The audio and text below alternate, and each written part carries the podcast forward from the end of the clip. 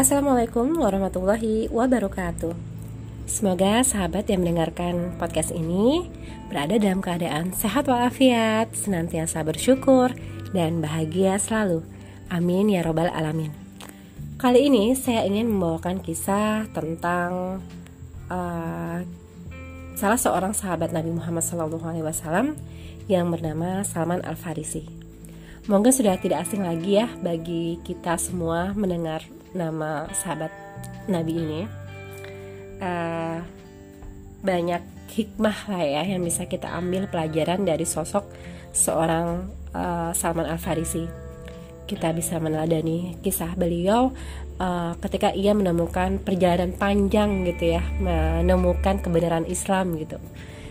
Kemudian juga kita bisa melihat apa belajar tentang uh, keikhlasan dan kelapang dadaan. Salman Al Farisi ketika uh, beliau pernah ingin melamar seorang gadis kan ya melamar gadis di Madinah yang saat itu uh, ini kisahnya menarik banget gitu ya dan mungkin fenomenal kali ya uh, pada zaman itu gitu bukan zaman itu aja zaman ini sekarang juga gitu ya. Saking menariknya kisah sama Al Farisi ini. Ini salah satunya nih.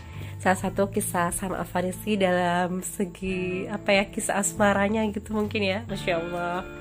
Jadi uh, terkisahlah bahwa suatu hari Salman Afarisi ini hendak melamar seorang gadis Madinah. Ia ditemani oleh sahabatnya yang bernama Abu Darda Qadarullah sang gadis justru memilih Abu Darda untuk dijadikan suaminya. Masya Allah. Dan kenyataan itu diterima oleh Salman, Salman Al-Farisi itu dengan lapang dada. Bukan hanya itu aja, Salman just, juga justru menawarkan bantuan untuk pernikahan keduanya dengan mengikhlaskan semua mahar yang telah dibawanya untuk Abu Darda. Masya Allah, be begitu apa ya lapang dada dan uh, baik mulia banget gitu hatinya sama uh, sama Afarisi ini. Nah selain kisah uh, itu juga ada lagi tentang perjalanan beliau uh, menemukan ini ya kebenaran gitu yang dibawa oleh Nabi Muhammad SAW. Jadi Salman ini kan sebenarnya uh, beliau itu sebelum masuk Islam, Salman juga sempat menjadi pemeluk Nasrani gitu ya. Sama sempat menjadi pemeluk Nasrani. Akan tetapi dia mengalami kecewaan terhadap pendeta yang diikutinya karena alatnya yang buruk. Nah, gitu. Pencarian Salman tak berhenti sampai akhirnya uh, ia bertemu dengan Rasulullah Muhammad SAW di Madinah. Di Madinah. Bahkan Salman tuh benar-benar berusaha membuktikan sendiri tanda-tanda kenabian apakah sesuai dengan gambaran yang sampai kepadanya. Setelah bertemu Nabi Muhammad SAW, dia dibebaskan dari status budak dengan tebusan emas sebesar 40 ukiyah dan 300 batang bibit tanaman kurma atas bantuan Rasulullah dan para sahabat. Masya Allah. Dan kalau ayahnya seorang Farisi itu adalah seorang majusi ya yang menyembah api gitu. Hmm, begitulah. Jadi dikatakan bahwa barang siapa yang mendapatkan petunjuk Allah, tidak ada yang dapat menyesatkannya. Sebaliknya, barang siapa yang disesatkan oleh Allah, tidak ada yang dapat menunjukinya. Uh, mungkin penggalan ayat yang tersebut sesuai dengan kisah yang terjadi pada salah seorang sahabat Nabi tersebut yaitu Salman Al Farisi.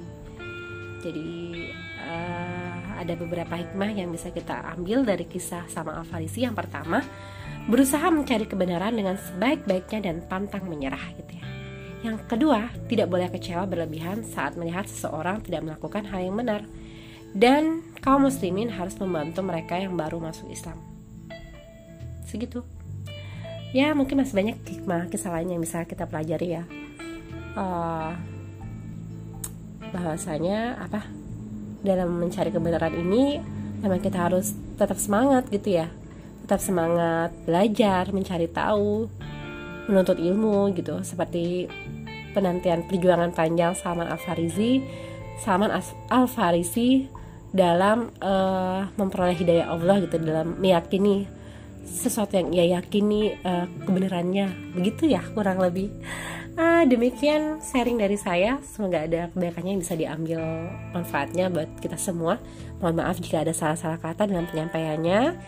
Saya akhiri. Wassalamualaikum warahmatullahi wabarakatuh. Terima kasih.